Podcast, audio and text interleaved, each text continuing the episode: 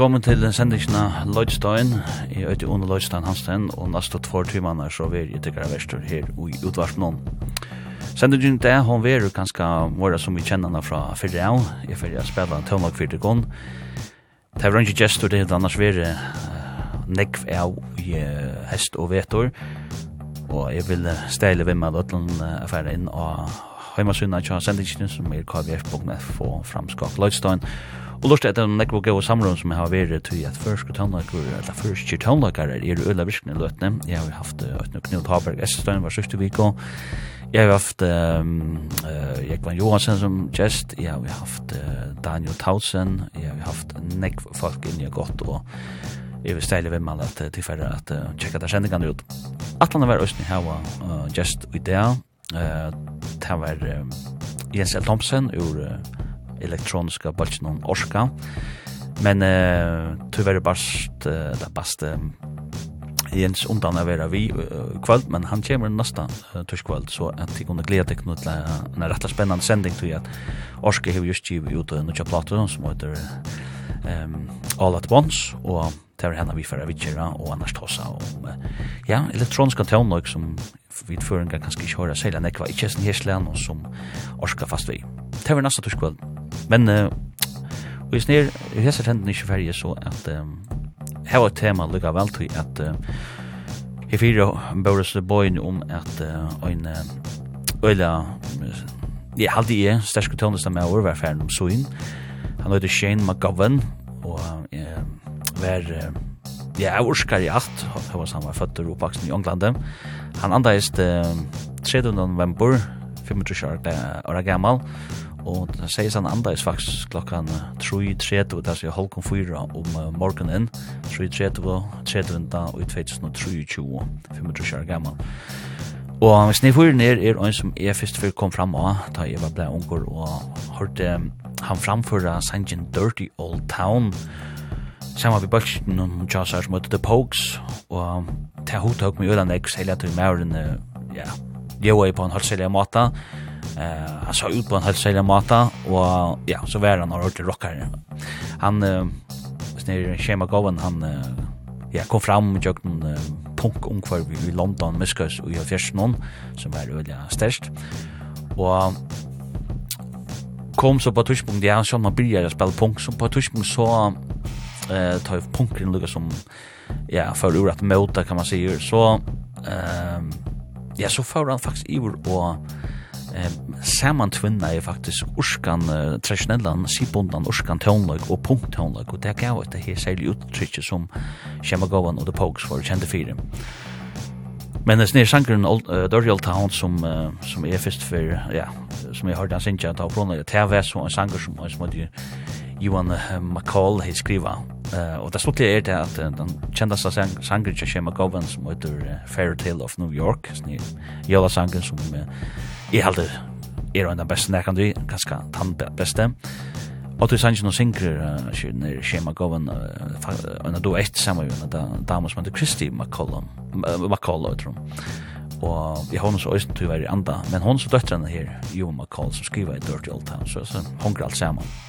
Men uh, som sagt så får jeg spela en rikka tøvnløyge til Kjema Govan, uh, for at høyre han, og jeg får blanda det så vi nudger tøvnløyge fra Øyne Nå, Vagabond og Emily, etter Emily, ja, Emily, Sandé, Dua Sali og Øsne, noen sterskere ungar tøvnløyge kvinner, for jeg spela nytt tilfell fra Jungle, Stefan uh, Sanchez, Blur, Blur, Jenna Lewis, Greta Van Fleet og Høysier, uh, Middelnonner, og så blandet jeg vi en Rikva Tøvnmønge fra Shemma Govan og The Pogues men også ting som han er, eller tøvnlag som han er innspalt sammen gjør Jørn.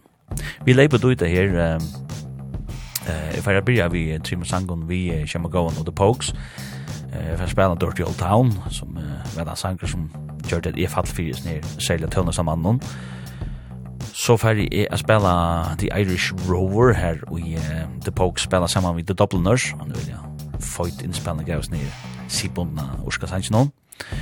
Men jeg ferdig byrja vi uh, Jola Sanchinon i Vidam Nøtlund halvdige, Fairy Tale of New York, tja The Pogues og Shema Govan. Det er en uh, spika hamrande fight sangur, som uh, uh, Shema Govan skriva i sammen med uh, banjo-spilleren og i uh, i botchen on. Det var ja, det var faktisk en avbjøring, har han fortalt. Det var Elvis Costello som var framlager om etter måned viskas i Forslund tja, framlager av Tønløkjen tja The Pogues. Han ja, bjøy i tommen av og sier til han, klarer ikke å skrive en sånn hit i jølasang. Og ja, Snir Kjemma Goven, han la ikke av bovnån, det gjør det snir Gjem finner helt ikke. Den banjespilleren. Og tar skriva sånn her, sangen her saman som uh, The Fairy Tale of New York som er bliven et Monster Hit, en av de beste jøla sang nekrande. Og en snakk morgen om uh, Kjema Shemagovan, så skulle du høre trudja, hessa trudja sangen her. Vi byrja i Fairy Tale of New York.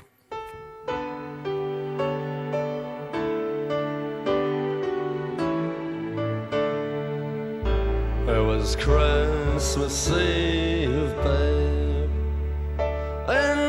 drunk tank. An old man said to me Won't see another one. And then he sang a song. The rare old mountain tune. I turned my face away. And dreamed about you. Got on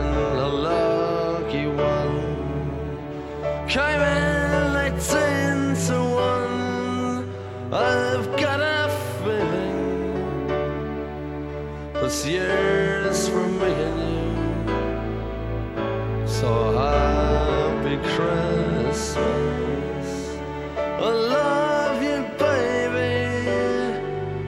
I can see a better time When I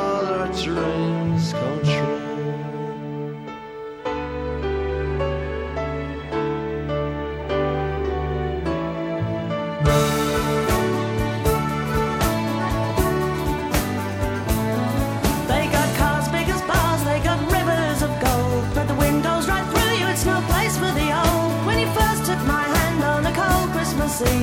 You promised me Broadway was waiting for me. You're handsome You were pretty queen of New York City When, when the band finished playing They held out for more Sinatra was swinging. All the junk they were singing We kissed on the corner Then danced through the night. The boys of the NYPD choir Were singing Go away babe. And the bells were ringing out For Christmas Day.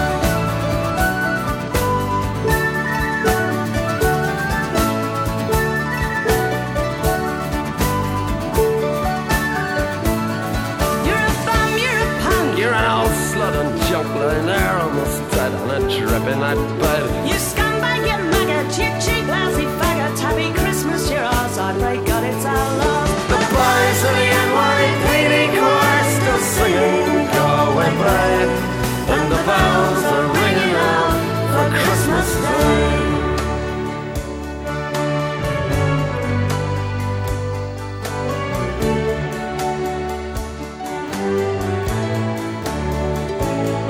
Could have been someone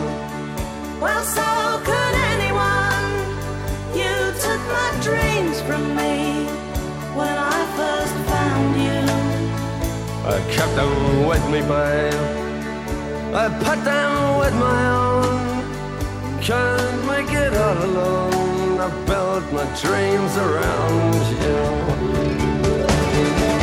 The boys of the NYPD chorus are singing Go Away Babe. And the bells are ringing out for Christmas Day.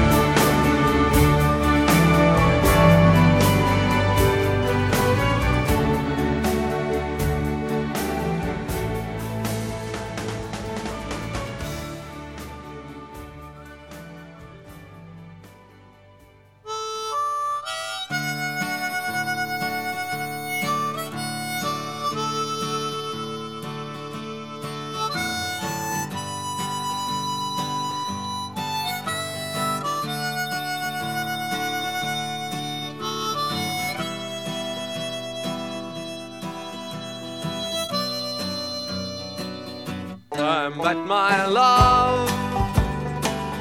By the gasworks wall. Dream the dream by the old canal.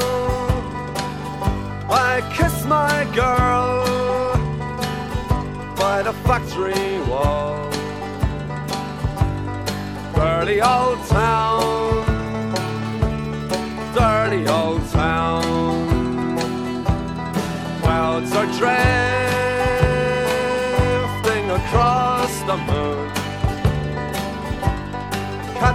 prowling on their beat Springs a girl from the streets at night. Barely all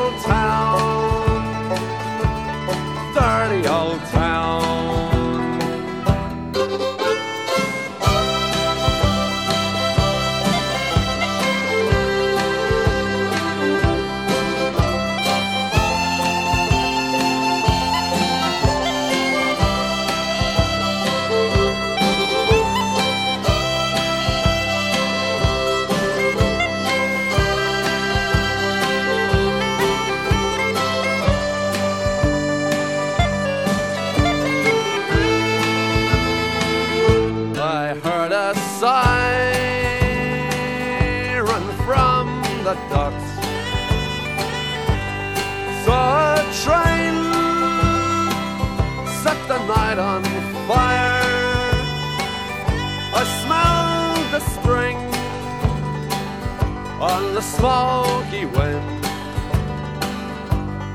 Dirty old town. Dirty old town. I'm gonna make me a picture back Shining steel Tempered in the fire. I'll chop you down stinking old Dutch train. Dirty old town. Dirty old town. I met my love By the gasworks wall.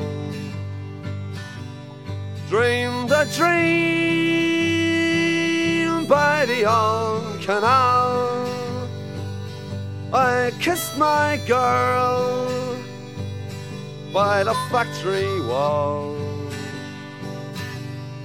Dirty old town Dirty old town Dirty old town Dirty old town.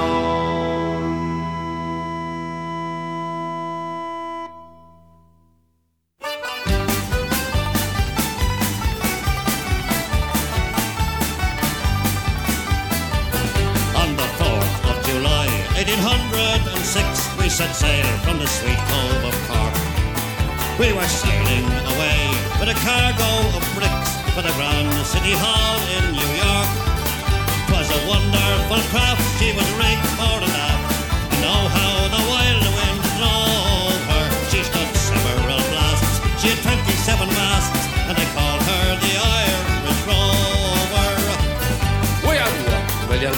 served the best lawyer rights We had two million barrels of stone. We had three million sides of our blind horses' hides We had four million barrels of bones. We had five million hogs Six million doves. Seven million barrels of porter We had eight million piles of old nanny ghost tales And a whole of the Irish roll.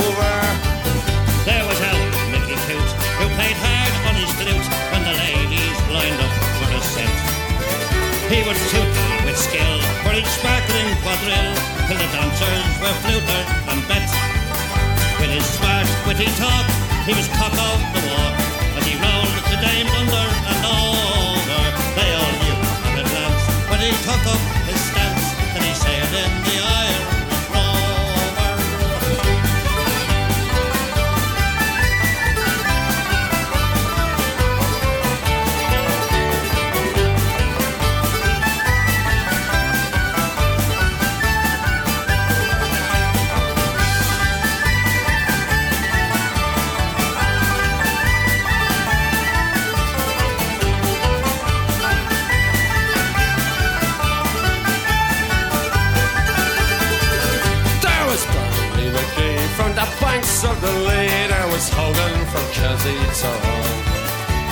was Johnny McGurk Who was scared of of work And a man from Westmead come along. There was Slugger on toll Who was drunk as a rule And fighting Bell Tracy from Dover. And younger like McCann From the banks of the bank Was the skipper and the Irish rock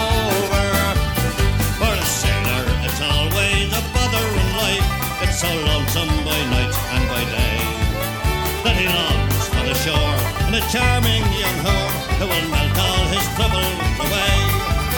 All the noise and the rout Swill and pudging and stout. For him soon is done and over Of the love of a maid. He is never afraid But I'll saw from the Irish rover We are sailed seven years When the measles broke out And the ship lost its way in the flood clear of a crew Was it gist out the two Just myself and the captain's old dog And the ship's took a rock Oh Lord, what a ship. The boat, it was turned right over. Turned Turn. nine times around And the poor old dog was drowned. And the last of the Irish roll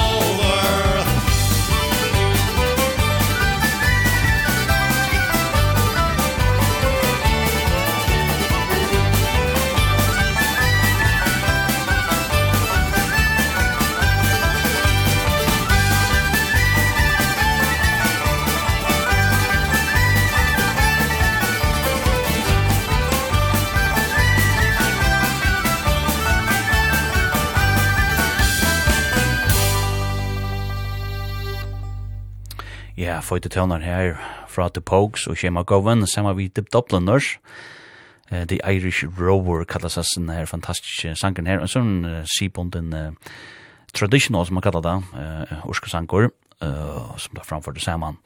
Og da hørte vi så den her Dirty Old Town, som var min, uh, hva sier inngång til Shema Govan og The Pogues.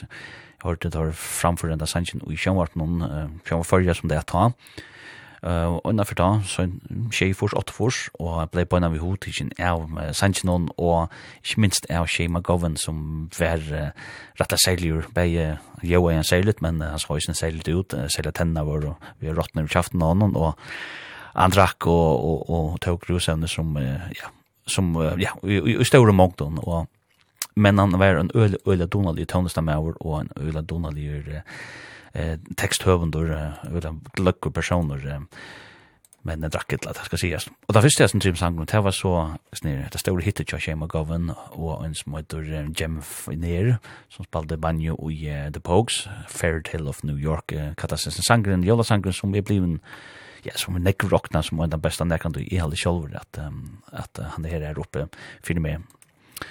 Og um, det stod stått er vi uh, sangen noen, uh, eh Fairy Tale of New York er synker uh, Shema Gowan Samuel Anders med Christy McCall. Og uh, Christy McCall hon var døttur uh, Johan McCall som skriver henne her Dirty Old Town Sanjin men det sikkert at vi uh, Øysten vi Christy McCall i det hun Øysten i ferden Herran Sendor hon andast Øysten i ung.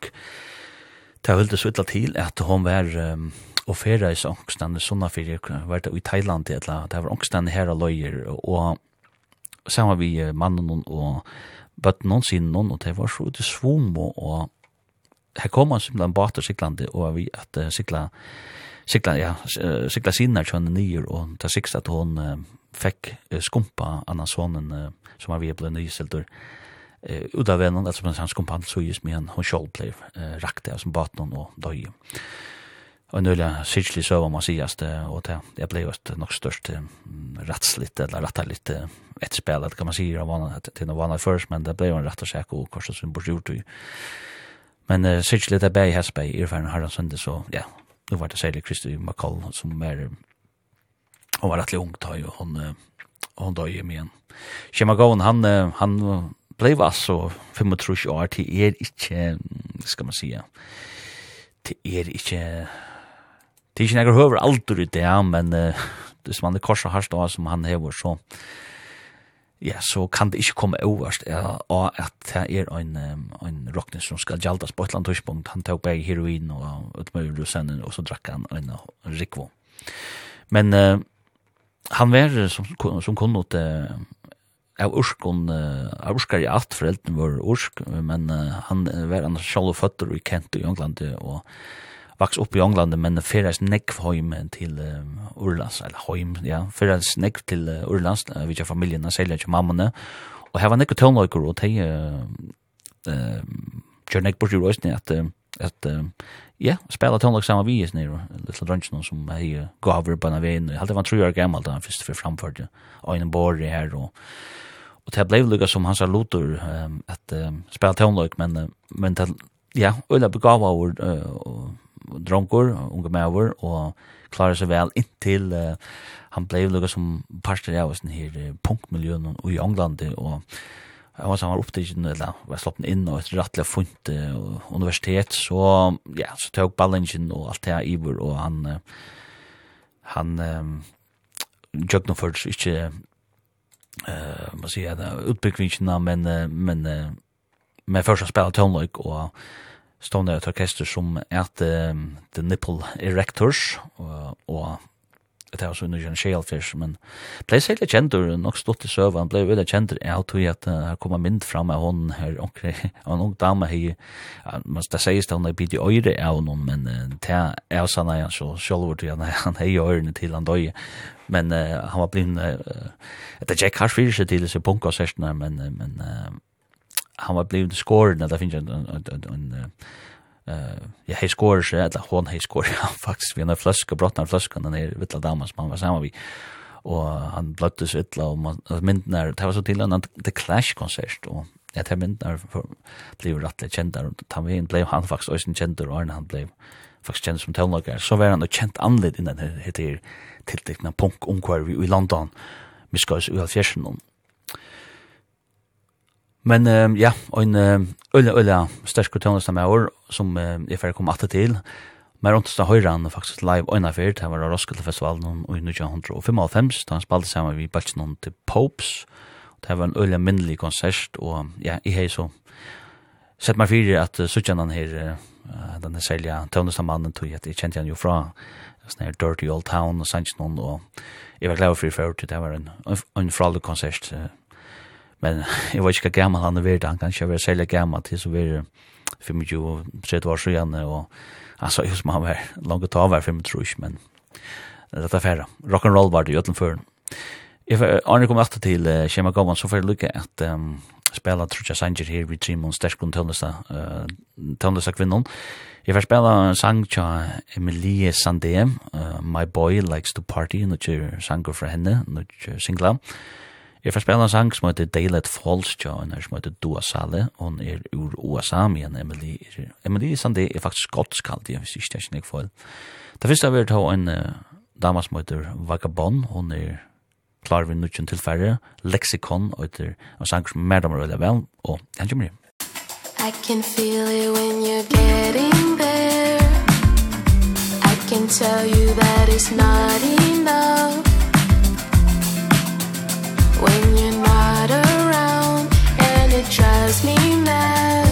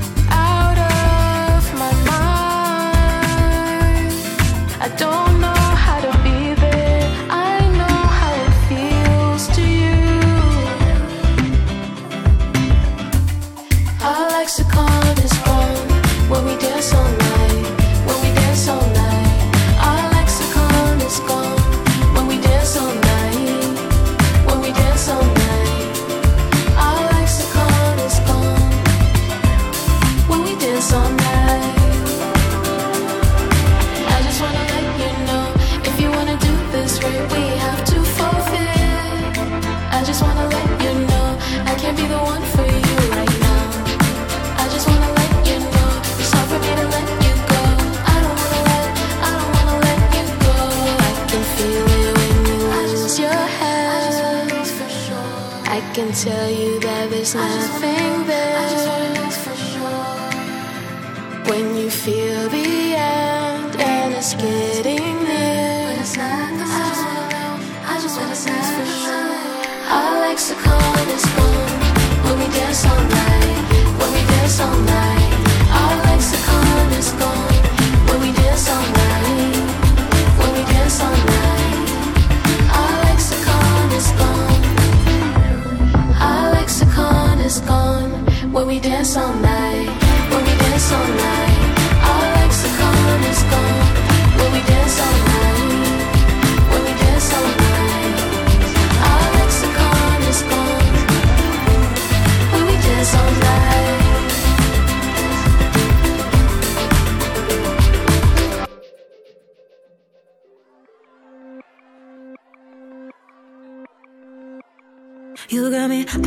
pillow every morning got me out here looking down, down, down.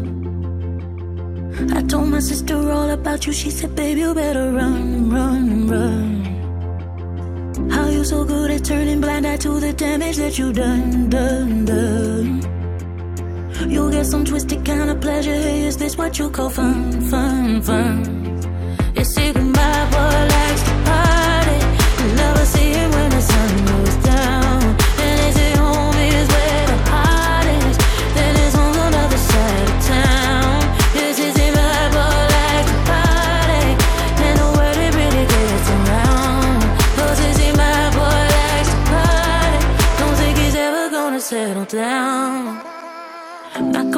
my breath if you were gonna change you would have changed by now. I can't believe how long I stayed how long I let you make the cheese fall down.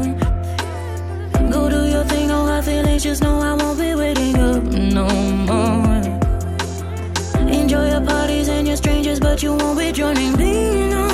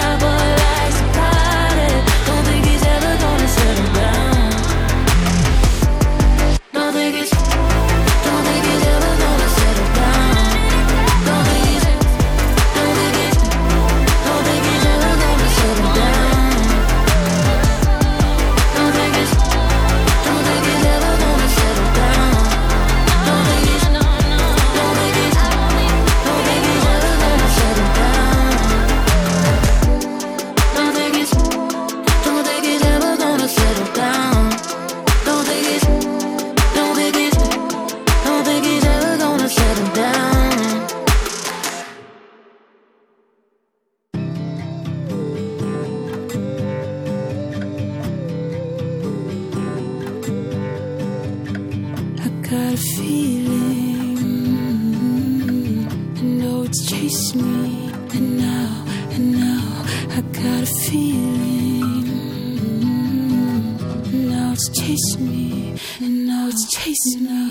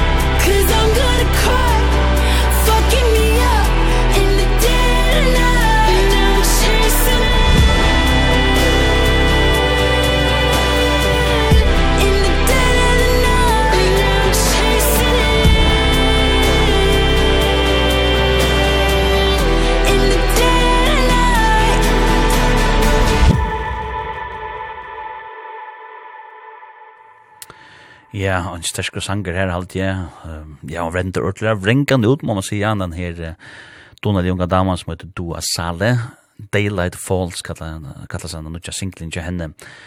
Den damen her, Dua Sale, hon er um, uh, ur Minneapolis og St. Paul i Minnesota i USA, og hon er en av sånne her tøndeste folkene som er kommet fram av omvis uh, mine indres utvarsbras som heter The Current, som er nemlig ur snir Twin Cities i USA, Minneapolis og St. Paul. Jeg halde faktisk, hvis jeg gredder adressene, så er så er The Current i um, St. Paul. Men uh, fra Lyk og her damen, hon er veldig av av flåan, kan man säga. Hon er sudanesisk og amerikansk. Men hever langt nu arbeid sammen vi nekvun sterskon falkon uh, at nu uh, um, eh, Bon Iver og, og Øron, så hon er en som man har lagt, langt lagt mest til, så det er jeg vant mer at vi får høre nek mer til i sier, så damna i framtiden. Arne har du då Sale, og henne er en del av Falls, så var det uh, sangren uh, fra Emilie Sandé, som heter My Boy Likes to Party, og Emilie Sandé, hon er som jeg sier skotsk, Um, og så sangen er å finne av henne femte plato, som heter How, We, uh, How Were We To Know, som kom ut i november. Og ja, og en uh, framorskerende av kvinne halvdige, uh, den her. Og en som er, ja, som hever framme lykka, Så igjen, det er några år siden hon kom fram men hun er, hon er ett sånt när var den 60 år gammel, og jeg kom fram i 2008 så hon er, ja, og fem plater i Longer Josh, og det, det er ikke hissene. Og den første sangen er Snitt Simon som spalte her vi Simon Sterskon Tøndesa kvinna, det var sangen Lexikon tja Vagabond, og det er um, en sanger som jeg finner, og henne er Nuccio Plato som heter Sorry I Haven't Called, og den dama som spelar under sin navn om Vagabond, hon øyder Latita Tamko. Og ja, det er, uh, ja, uh, en, uh, en spennende dama som uh, bor i, i New York, men er opprunnelig ur Kamerun, den her uh, Vagabond. Så, uh, ja, spännande spännande damer här. man da må väl att uh, opptida, uh, eh nutje nutje nøvn og og hesa her trúgjar er så okay Emily Sunday hon er hon er vel framme under krar men men det her um, um, vagabond hon er under der gamal og uh, som sagt ur Kamerun og ehm er han som er rett og slett for mer så fer og tjekke han ut Nå, no, vi fer oss alltid til dagsens tema. Til er Shema Govan som andeist eh, her fire, 25 år gammal, han andeis til 30. november klokkan 03.30 um, og han var 25 år gammal uh, da han andeis og det er morgenen klokkan halv og fyra morgenen og ja, det som er så avverst vi uh, kommer gavan det er hans her uh, mat i ateka uh, sibonden han orskan tånlag og blanda han vi punkt tånlag og djevon han kant som man som man ikke ordentlig hårs på seg om mat fyrir at det er øyla og funter og polera, han synger ikke kjelja vel, men uh, herren skal vite at, at, at uh, han sang ved hjertan og, og, og tog følte det at han framfor det. Og han tappa lyda, ja, tappa lyda som inn ui, uh, det er ursk og folkasalene som er sindur vilst, det er nekkur uirar er og ut sett her tar flott atter ur land noen av Imsen Orsakon, uh, selja kanskje at det ikke føles høy mer, eller at han som vær med luirar og, og, og bretar, eller luirar og ønsmenn enn jeg var. Ehm um, har just det att Uirar är då sindur. Ja, det är nog för känner sig sindur hemlösa eller att gå sig som utsätter och här um, rakt igen åt landa och uttagen som gör det att det blev eh eller eh måste jag ja, at det resonerer jo eller vel vi uron og til å skrive nekva grønner om nu, eller nekva minningar år om nu, da han andeist, eller just det, hva det var det som rikker så vel, til at, at punken han, han blei ja, hvis man skal si det før, skulle han ja, miste fasta tøkene og, og, i kvarv ikke, det gjør han jo ikke, men, men han minka, han var rødda dominerende midt i, i, i alfjersen, vi Sex Pistols og vi The Ramones og Øron, men The Clash ikke minst, men så, så, jeg vet ikke hva man skal si det da, Eh så fader han ut. Vi brukar ett elände först att en stor jag vet inte på nu anish kan det först går skulle vara för det han det glue Lucas mot santen till ösnen var han det först. Ehm ja. Ehm men men och så så på sjort kommer kemen tas med post punk och det kommer, det är elektronisk popper and take right i England eh och det tomte schema gåvan i över sig att få oss vi. Han vill det här också mer mer ordligt och tror låta en att till där skulle rötna han så här och teker ska fucka folkatonlagen och och för han in blandar han samman vi det här här punchen och och färdigt sälja uttrycken den sälja bulten som heter the pokes och tar hitta uh, størst opptjøkken forsene, og ja, det toppar vi uh, Fairy Tale of New York, som kommer ut i tjej og fors og blir et kjempe hit. Til lykkes med hatten, tja, Shema Govan og The Pogues, at han alltid blir det genga sin galdi, og at enda så, ja, han møtte ikke opp til konserter, og så enda da vi han ble blekkar i balsen, og det vil så være. Men jeg skulle høre trutja sanger her, som uh, Shema Govan her skriva, og som blir vittnesbord om, og så Donald i tøndesamaur han var, Vi skulle høre øynene, så skulle jeg prøve vidt med du, jeg si at han navnet til er et urs navn alle. Han heter Sally McLennan, Lennan, McLennan, Lennan, Sally McLennan, så skal det ta salt. Jeg halte at det hadde på besta bo. Og så, så, så skulle jeg høre fantastiske sangen Dark Streets of London, og det første, det var A Rainy Night i Soho, og alt det tror jeg, fantastisk sanger, og ja, njóti seg løtna her saman vi Shane McGowan Sala og The Pokes.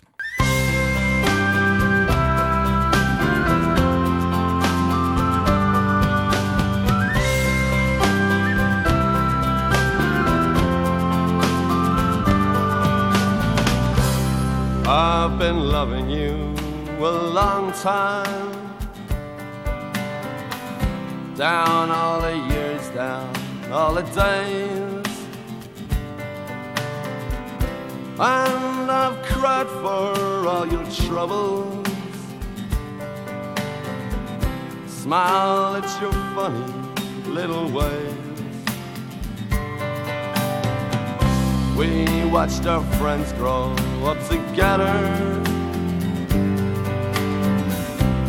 And we saw them as they fell. Some of them fell into heaven. Some of them fell into hell. I took shelter from a shower. And I stepped into your arms. On a rainy night in Soho. The wind was whistling all its charm I sang it while my sorrows. You told me all your joys. Whatever happened to that old song? So all those little girls and boys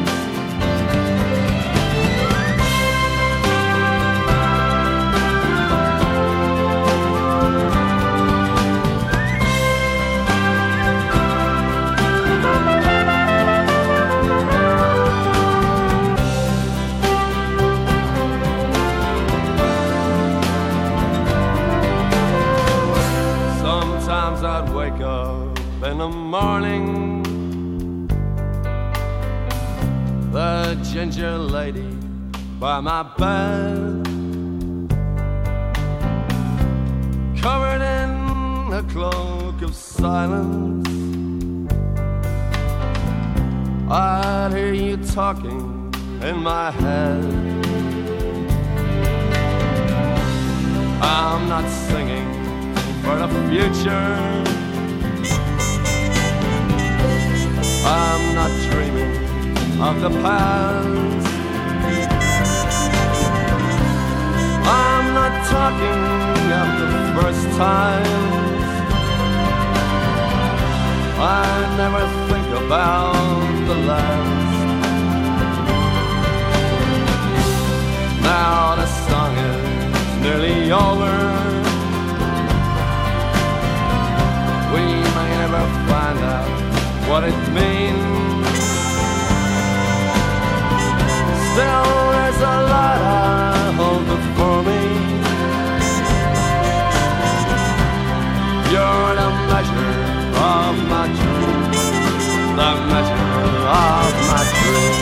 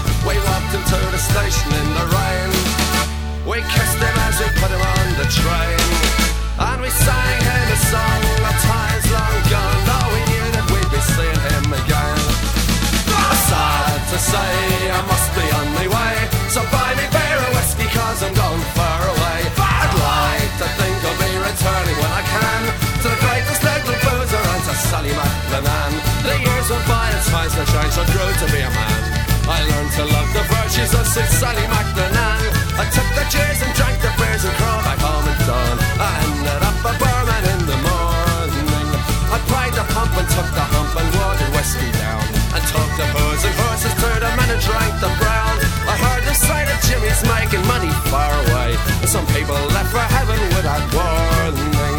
We walked them to the station in the rain. We kissed them as we put them on the train. And we sang them a song of times long gone. Though we knew that we'd be seeing them again. I sad to say I must be on my way. So buy me beer or whiskey cause I'm going far away. I'd like to think I'll be returning when I can To the greatest little boozer out to Sally McLennan Jimmy came back home. He was surprised that they were gone. He asked me all the details of the train that they went on. Some people they are scared to cough But Jimmy drank until he choked. Took the road for heaven in the morning. We walked him to the station in the rain And we kissed him as we put him on the train. And we sang him a song A time's long gone Though we knew that we'd be seeing him again. Sad to say I must be on my way. So buy me beer and whiskey cause I'm gone far away. I'd like to think I'll be returning when I can To the greatest little boozer and to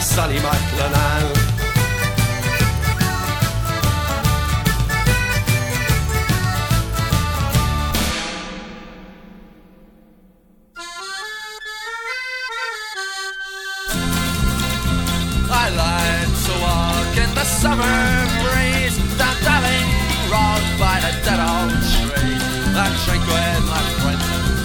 Christmas Broadway They're dirty, delightful, all drunk and all dies And the wind took him down And I loved it so dearly. The pulse and but each where you'd spend all your time And the old man that was singing. When the roses bloom again And turn like the leaves to a new summertime Now the winter comes down.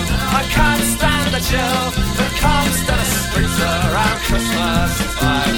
I'm buggered to the nation And I haven't got a penny To wander the dark streets of London.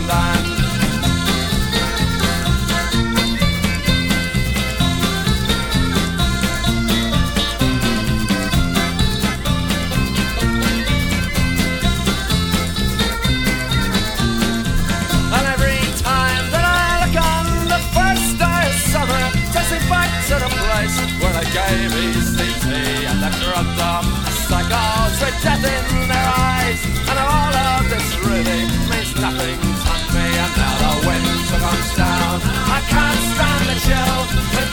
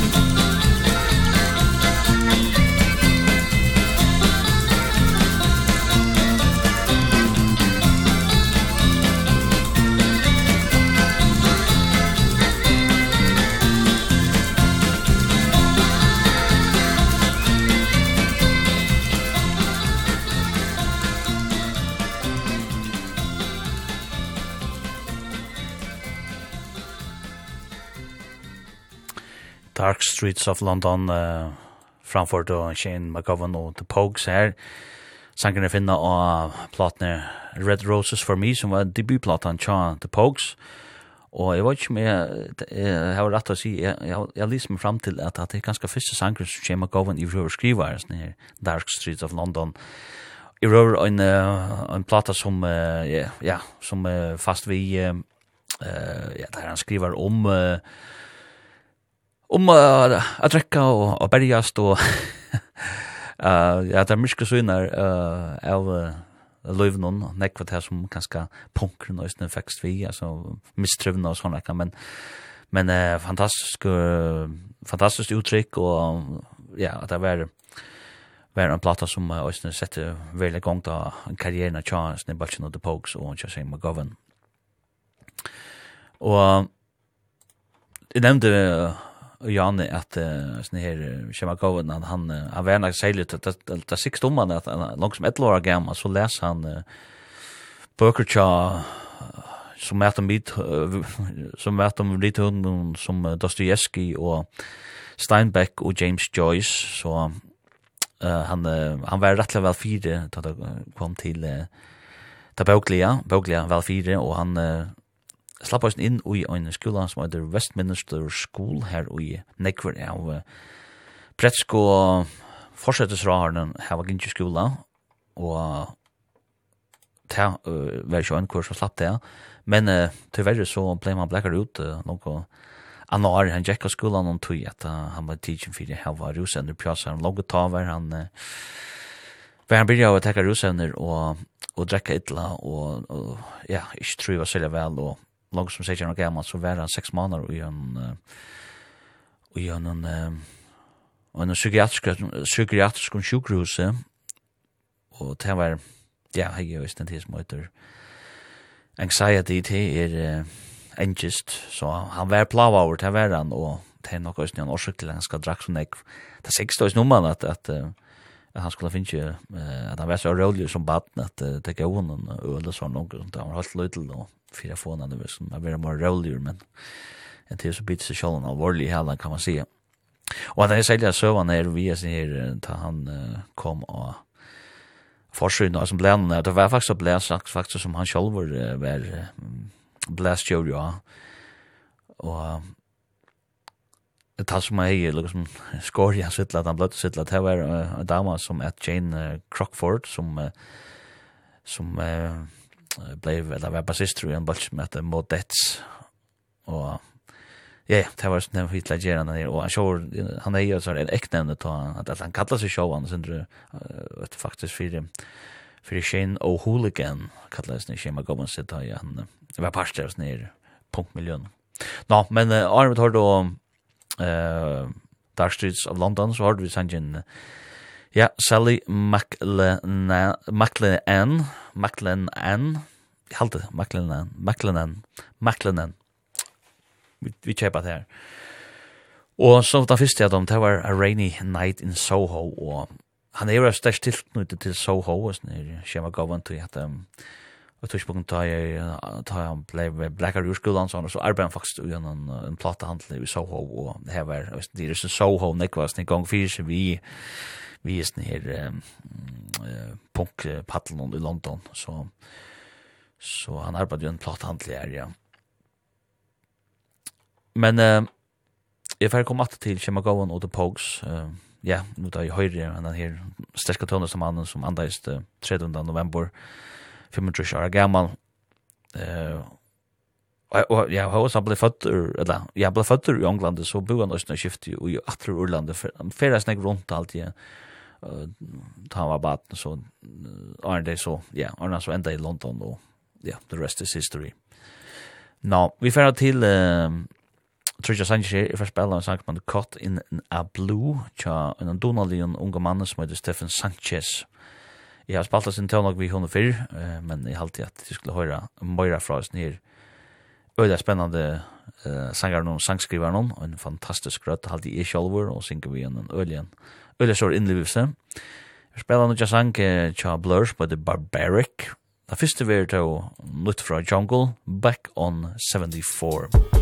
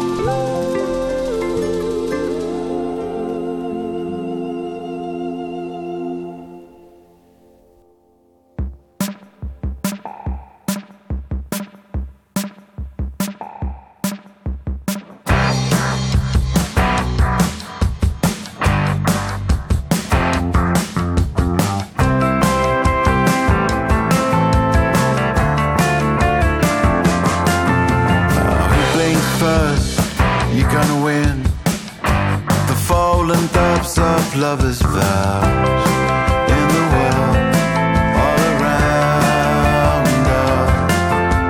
I'd like if you got the time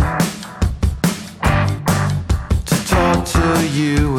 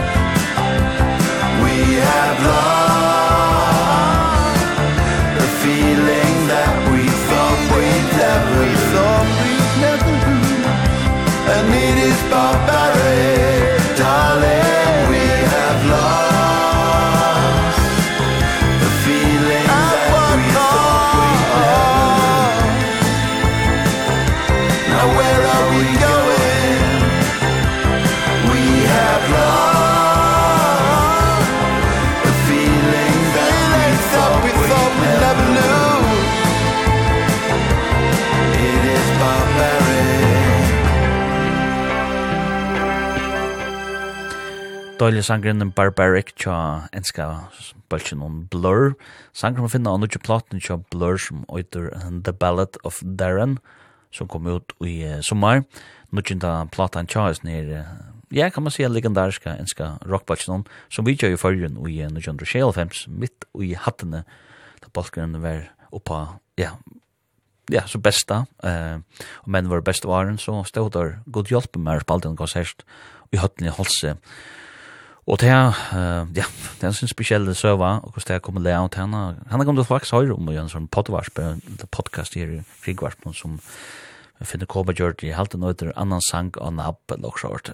Um, og vist til henne her Song 2, tja Blur, som tar hitta vi, just om Tamondo tar der, pratelig enda av fargen, av utan støvun mitt i henne som er, kan man säga, när rätta döckar tog ju forskar uh, sövo, där följer runt till liksom att fötas sig attor om man har att landet faktiskt för heisen först till femsen. Nå, no, uh, Arne, her så var det vidt um, en sang tja en Donalion 21 gamle amerikamann som heter Steven Sanchez. Caught in a Blue og etter sangren, og jeg må si som er at jeg er uh, fattelen totalt fyrir i snir. I snir unga mannen uh, som... Uh, i all show her när jag hållt sig lite. Jag vet inte vad det är till X-faktor till till det åter ehm till det man letar efter. Sean Duran var synja men han har just nu en nerver och en kant och ett land och såna såna rött som gör att man ja, jag fäller för honom och han har just gjort en platta ut som heter Angel Face som är hans första och kommer ut i september. Och jag kan bara vimma han har ställa. Jag har spalt Sanchez under fyra och det blir ikke verre värre allt at jeg spiller etter. Så var det en av min innspalkon i vår høver, um, en jungle, det er, um, ja, det er faktisk en duo, um, jungle, stavna er i 2013, faktisk samstundet som uh, Lloydstein kom i verna, eller man sier, jeg byrja spela tøvnlag i utvarsmån, ta byrja og jungle løsning, og tar jeg faktisk fyllt med allan, allan veien uh, til nu, og uh, hver for tar vi ut, så rønner jeg at uh, spela tøvnlag, ja, så spela jeg tøvnlag, jeg rønner ikke en gang, jeg spela jeg bare, Og jeg heldig sjåver at, at det er en fantastisk balk. Jeg hørte den uh, i sommer og det som heter Sydforsålen. Og det var fjør sommer jeg hørte den i Sydforsålen, og det var en en standard god oppleving og tar jeg just spalt konsertøysene i København. Jeg burde være, men lett affæra, jeg færre fengat og nærfær. Eh, jeg halte at jeg kom der vel foran som jeg skilt ned. Og nå kjøp platan tja, tja Jungle og Nøyder Volcano, og det her snir sangen jeg finner, han kom ut i august. Men Sen er sjanger som utor Back on 74. Eh, og Arjen, vi tar då, ja, tas som det første, ja. Eh, Per tjekkje Jungle ut, per tjekkje Steven Sanchez ut, og Blur, ja, det kjenner det ganske. Så fer jeg leser atter til eh, Shemagoven, som er evne, tema, og sendingen er nå, han andeist 25 år gammal 30. november. Eh, hvis ni ser mest engst urske sangaren og sangskrivaren, som ble kjent vi balsen om The Pogues, men også hei en balk, eller spalte vi en med The Popes, og annars er jo Just Imist mist solo også, men men en en fantastisk sermester tonus som er som blanda i orskan sibundan folkatonlag vi punche og det kom på det kom at halt selv uttrykk som ja, mer damer øyla vel, i store fjeppar og kjema Govan, men herren skal vite at det fævarsanger er det ikke, og og det er tonlag som er blanda vi nekvar, og nekvar drukk, og rusevnun, russtrekka, rusevnun, og vi, eh, ja, hva skal man sija, eh, han var ulla plava over, og det han sjående mest i han hans hans men men men han fekk nekva skafte i høyast, høyast det. Jeg får spela, tror jeg Sanchi, jeg får spela en sang her til en duo vi Nick Cave og Shema Govan. Da synes jeg her What a Wonderful World, og alt det er helt understandard det at høyre Torbo er bare kommer jo også fengende ur punchen on, men kanskje Nick Cave more post-punk, men dette færa. Og så tekker det en sånn klassiker som What a Wonderful World, og så først du, hvis jeg bor, ser mest og tøndeste menn her, at framfor han sammen. Det rikker utrolig vel. Ehm jag får spela eh en sang av utgåvan av en utgåva som Shema Govan George samman vid The Popes. Og det er det er sangren som kallas for That Woman's Got Me Drinking. Og han er å finne av platene som nok øyder Snake, halte jeg, og han øyder. Ja, Snake, og hun kom ut i 1994. Og jeg hørte så Shema Govan og The Popes og Roskilde i 1995, men uh, der spalte ikke nek, jeg halte faktisk ikke, der spalte neka sang jeg hos her platen her. Jeg halte ikke, jeg, jeg var veldig lust etter, jeg må si, uh, løyta lukka som uh, settlistan fram, og det finnes også en opptøk av YouTube av uh, konsertene, gammal og er ikke gøy, men hun er der, og der spalte uh, faktisk nesten bare The Pokes sanger for det meste, og det var en fantastisk konsert. Jeg var stansa ut som, jeg var ikke som kjettet med å komme drejende inn ved noen, Uh, men det var lukket som hans var lotor, ja, fra tog at han kom fram inntil han døg, selv om han var gavst til å drekke, så ja, døg er jo høyla betendelse, eller hva skal man si, ja, betendelse i høylanen, faktisk, så, og slem inn i giktis, som bare til få, så det her gjør det av igjen, jeg vet ikke om, om det er nekka gjer, ja, aller helst det du også gjer av i det, at han er vore jeg fanns utla vissa jeg selv om det, den fyrir var utla, men, men uh, det første sanger til, det var så en sanger, uh, her han synger en duett sammen vi Sinead O'Connor, solo som Øysen andais nu her fyrir, og ja, større misser, vi. Da misser nek, stersk tøvnestafak, Sønna Støyna, og det er en sanger som heter Haunted, og det er en sanger som man finner, og og en er uka og tja eh Chache McGovern og ehm The Pope salt det er ikke foil. Ehm til han som øytur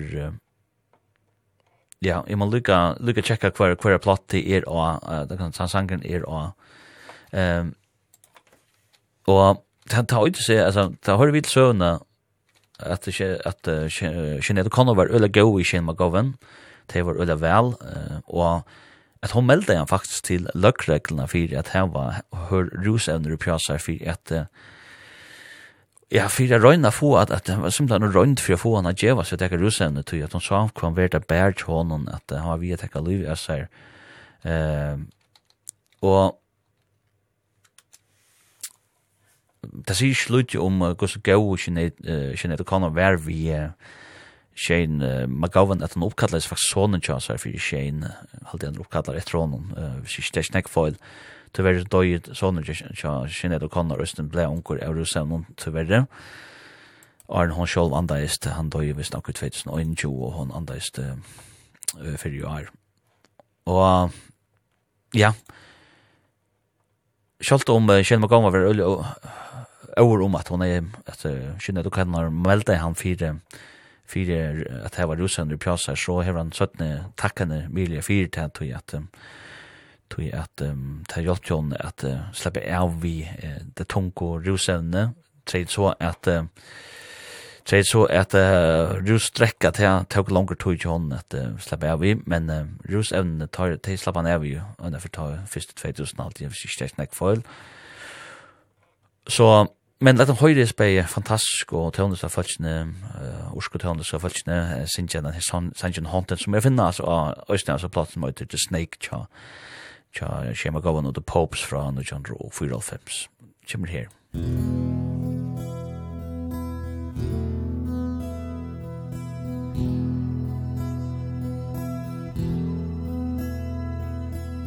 Do you remember that sunny day Somewhere in London in the middle of nowhere. Didn't have nothing to do that day. Didn't want to do nothing anyway.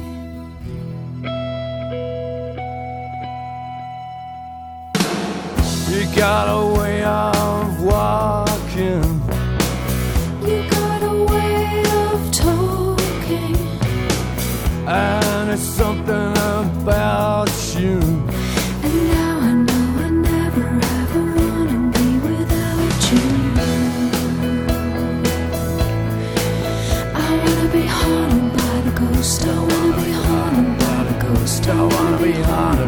ghost Wanna be haunted by the ghost Of your precious love.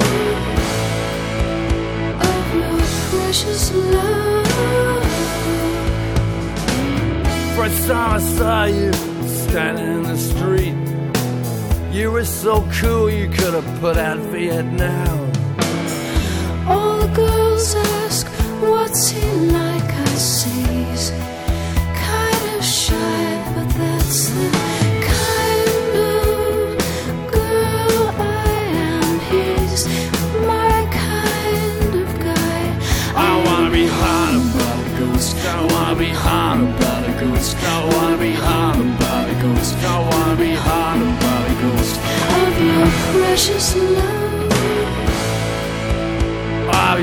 precious love. Of your precious love I'll build my world around you. I'll bless the day I found you. I'll stay beside you. I'll never leave or tell you All those lies that you never believed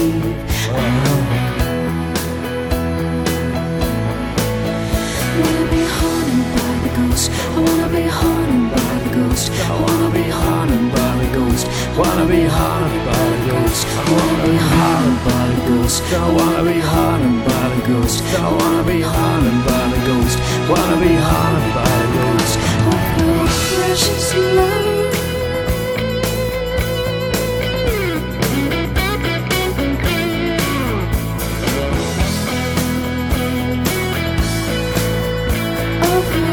precious love.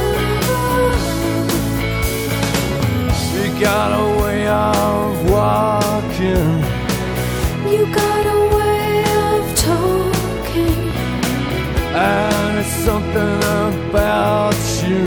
It's the kind of girl I am He's my kind of guy.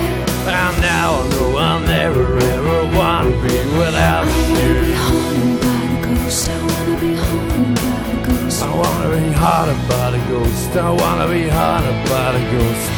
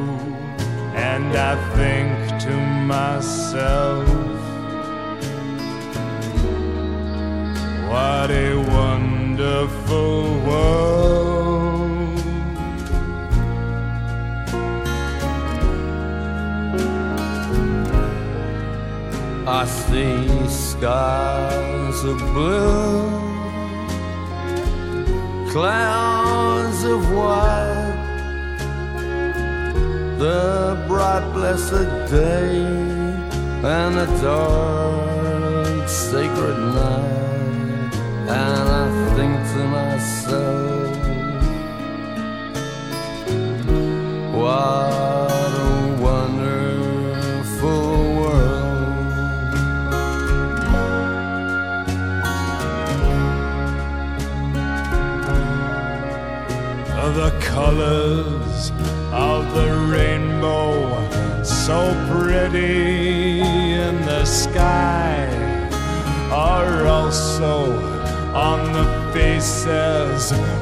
the people passing by. I see friends shaking hands. Saying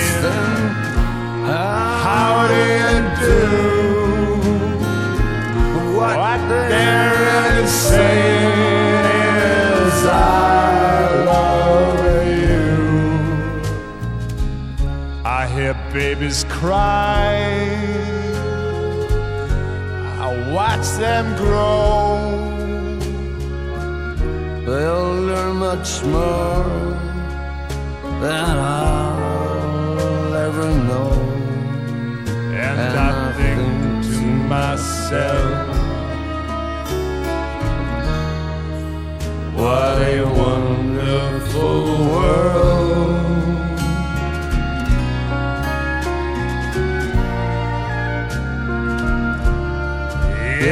I think to myself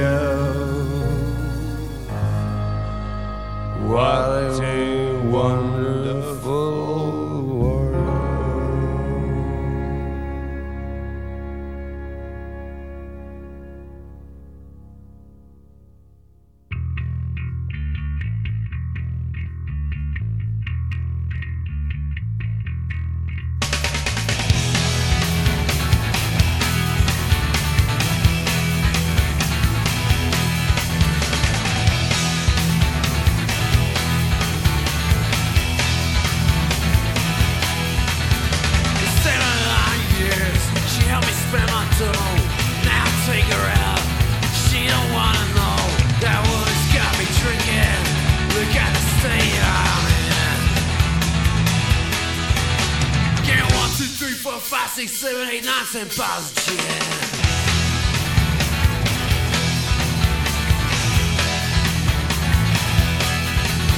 That always got me drinking We used to have some fun Ash drinks and strangers It got me on the run That woman's got me drinking Look at the state I'm in Okay, one, two, three, four, five, six, seven, eight, nine, ten bottles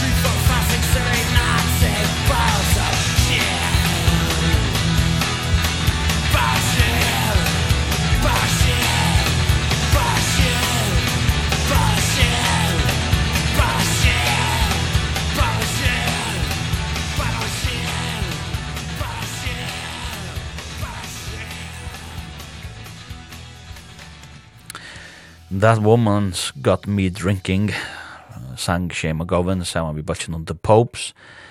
Og platene The Snake fra 1994, og at det var føytskjering kalt i sjølvor, til verre så framfor det ikke denne her sangen under 1995 av Roskilde Festivalen ta i vetelstegjær, og hørte Shane McGovern og The Popes där spalt snägg annars ska jag alltså se när spalt när Rick var the Pokes Lovon men men de var någon sanns ner og fått energi og ser här platten är synd över sig inte som vi känner han från Forsen och the Pokes Shemagoven. Arnt så har du vid Shemagoven och Nick Cave framför sanns What a Wonderful World den här klassikeren og det er um, en sanger eller en tolking som er finna og en plass som heter Rakes, Rats, Pricks and Kicks, an anthology som Shema Govan gav ut. Og ja, til så en samling, oppsamlingshaltig plata, en samlingsplata, hva er det? En soundsplata, en soundsfløva. Og her er, er Sanja Finna, og her er så snis her, han er helt utkynsen her, What a Wonderful World, tja, tja, Shema Govan og Nick Cave. Og en Arne Tess har du vidt sangen uh, Haunted her i Shemagoven og Sinead O'Connor framfor da, og den sangen er å finne av jeg sier platene til Snake eh, fra 1945 tja Shemagoven og The Popes. Fantastisk sanger her og da er det høyre spør Jeg spør tonalige i Tøndestafalsene som beier ferden i Harald Sender Shemagoven og Sinead O'Connor Nå, jeg får lukka spela Eka Sanger her Jeg tror ikke nødja sanger her. The Indigo Streak tja Greta Van Fleet, den amerikanska rockbatchen, It You're Young tja Høysier, den første verur uh, Cherry Baby tja Jenny Lewis. Life's a mystery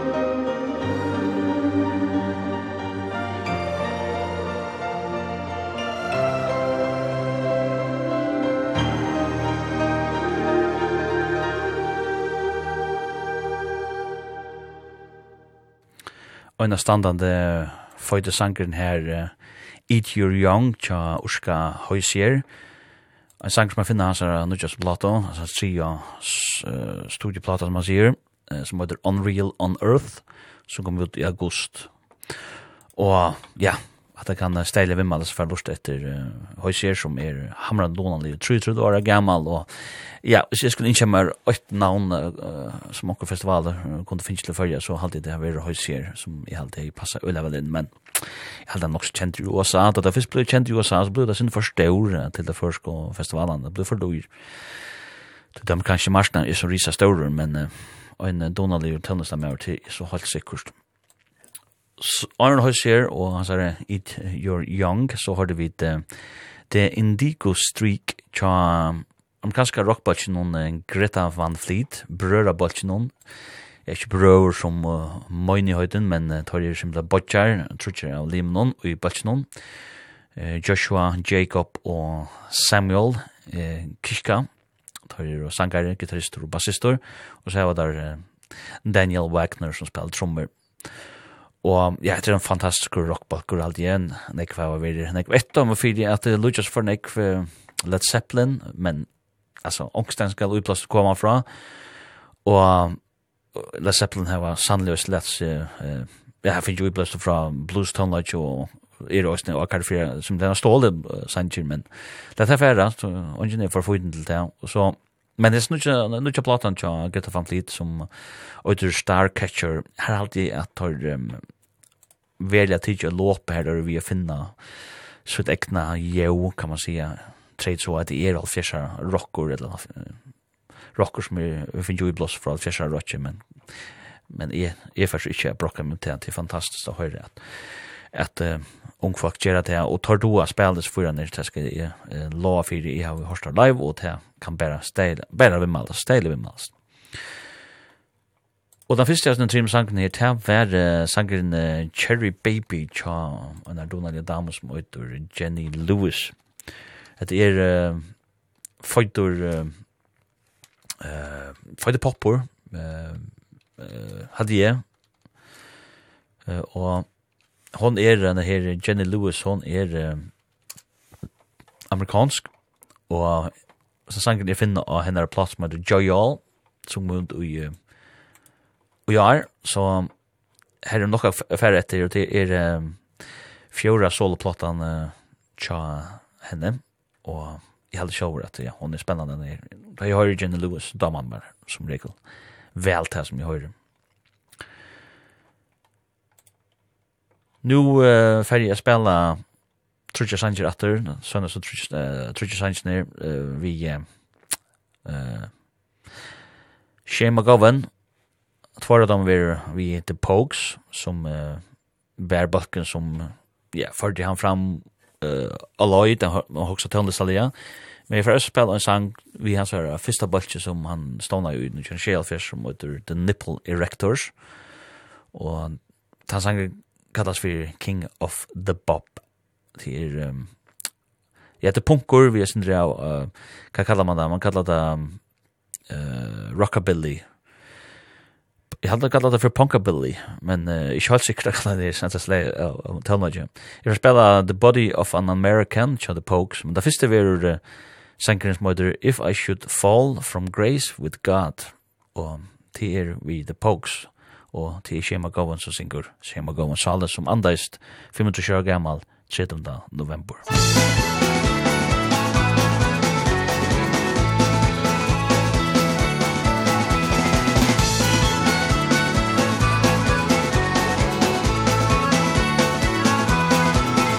such a bomb For grace of God Where no doctor can relieve me. If I'm buried beneath the sod But the angels won't see. Me Let me go, boys Let me go, boys. Let me go down in the mud Where it's all dry.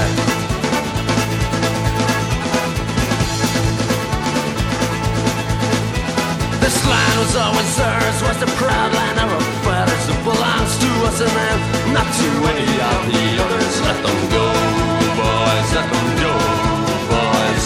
Let them go down.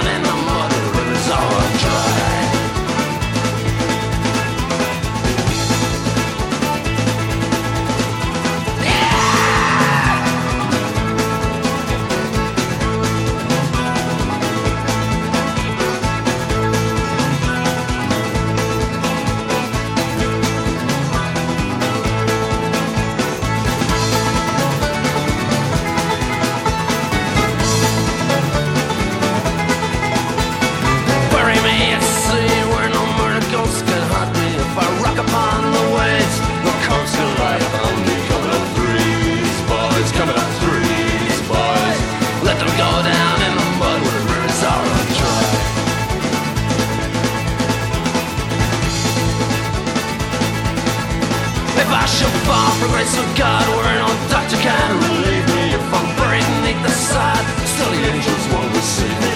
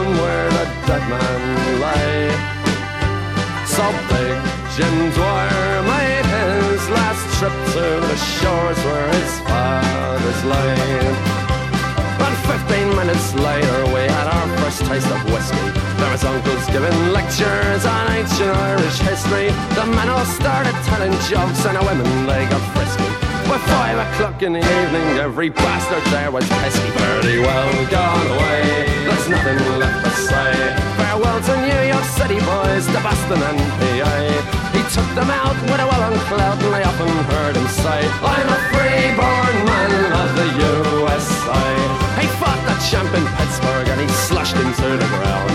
He took on Tiny Tartanella And it only went one round.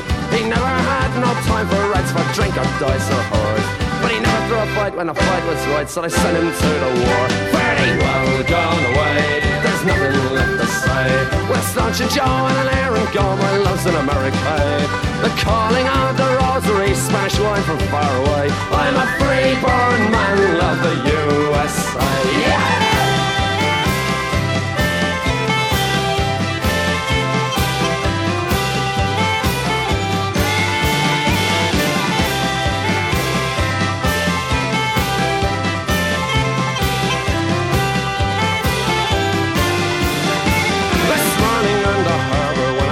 occupied I remember how I swore that I'd come back to you one day.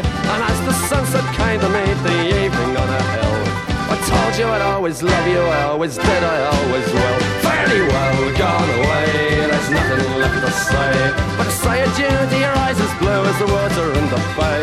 To big and toward a man of war Who was often heard to say I'm a free-born man of the USA I'm a free-born man of the USA I'm a free-born man of the USA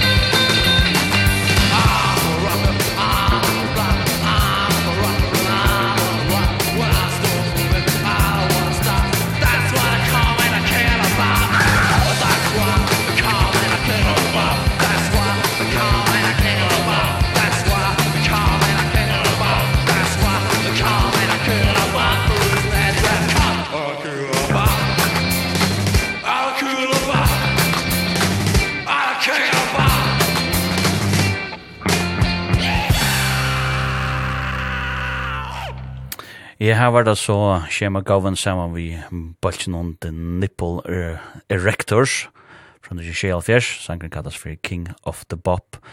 Og slenge av blanding av uh, rockabilly og punk rockje. Jeg hadde kallt kallas for punkabilly, men uh, ja, takk mykje ut. Ja, det var så, det sørste som jeg fyrir sida, sige, eller enden av til skjema gaven fra Lloydstein. Takk om fyrir og fyrir ja, innsatsen. Han uh, ble 35 år, høyast han uh, gjør det alt for han måtte tekka liv i så sier han også at selv om det er sånn utmann og det tekka liv i så domte hun vel liv men uh, han var ikke ytla plavar av rusdrekka misnøyslo og rusevnes misnøyslo og ja ble jo kjent for at tenner dotter kjaften av noen og alt mulig men han sier som at her vi er vera at man sier at drukken bolt eller kan man sier at vi er for drukken at uh, at uh, nu leser jeg bare engst the most important thing to remember about drunks det er folk som drekka is that drunks are far more intelligent than non-drunks. They spend a lot of time talking in pubs, unlike workaholics who concentrate on their careers and ambitions, who never develop their higher spiritual values, who never uh, explore the insides of their head like a drunk does, sier så. Shema Govan i en samrøv og en affær så kan man ja, tycker på det här och se om det passar ju. Ja, det är så spårningren. Ikke vi har snakket om det fotfolk som ikke gjør selv noen mening, så jeg var ikke kjørlig. Uh, for litt av for meget, for litt av meget, så det er, det er ikke det. Men uh, vi er snart som lyser vi fri i midnatt fra Shema Govan. Og jeg forrenta sendingene vi noen sangene, jeg var ikke knekkvar i nøye vi um, et navn som blir kundgjørs til uh, G-festivalen et øyla godt navn, hvis jeg spyrir meg. Íslensk of Monsters and Men, of Monsters and Men, spela sle av folkrotje, folkpoppe, og etter er et, en super butching av G, og jeg får glede meg til å høre just den her balken live, til at jeg vant det var øyla slottet. Jeg har spalt den i sendingen med Lardal, og det var så enda vi. Jeg får spela Little Talks og Visitor, og hvis jeg nøyde så var det Mountain Sound, men vi synes ikke hva det nå. Men vi styrer for å takke for meg, og ønsker deg alt det beste, og hvis du vil høre hese sendingene og ære sendinger, uh, lødstånd sendinger, som kan finne hjemme syna som er kvf.fo framskak lødstånd. Finns det også nye ut av Spotify, og som pottevarsper ute. Og vi snir for jeg blir etter om å ansette hver nøren, uh, og ansette hver nøren, og ansett hver nøren, og ansett hver nøren, tøyene som er rettelig stressa, til en ekv holka, til er mist, til er kave, og ofta hender det uh, uloksale kjelje tøy tinges årstøyene, og tøy vil jeg bare si jeg vet ikke om at um, Falsikna ver dik om tæst ta tuita tekor, testa rollet fram kemur han i holy on the fair og ansø fyrir gott shit etter tikkun show og kvarnør. Alt det besta.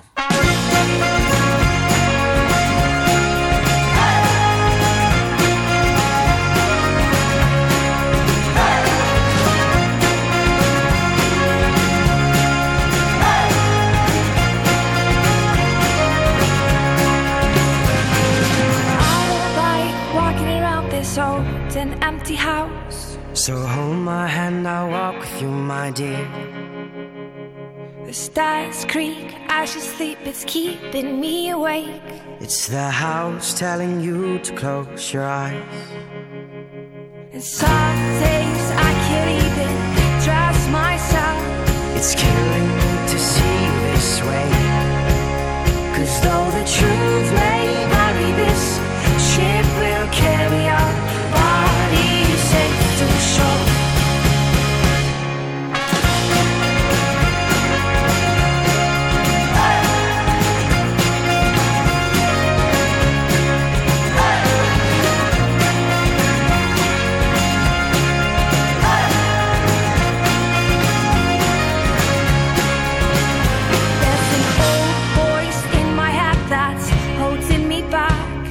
I'll tell her that I miss our little talks.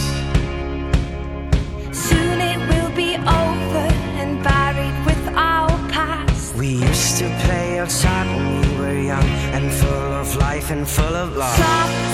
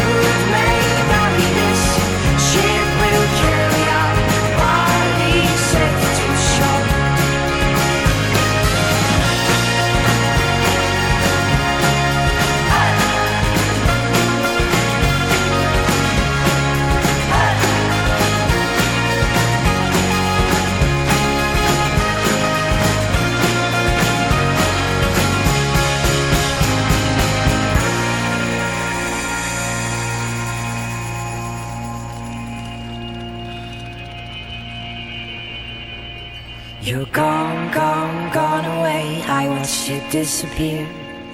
All this life is a ghost of you. Now we're torn, torn, torn apart. There's nothing we can do. Just let me go, we'll meet again soon.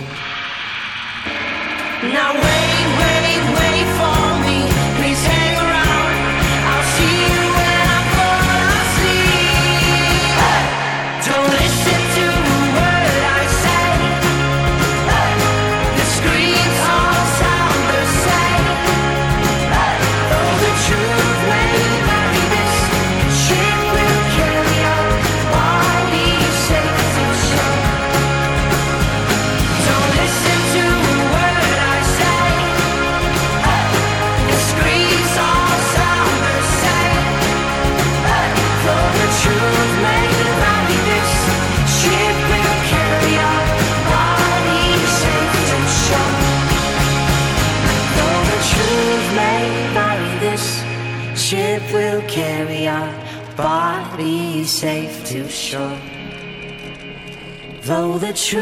may vary this.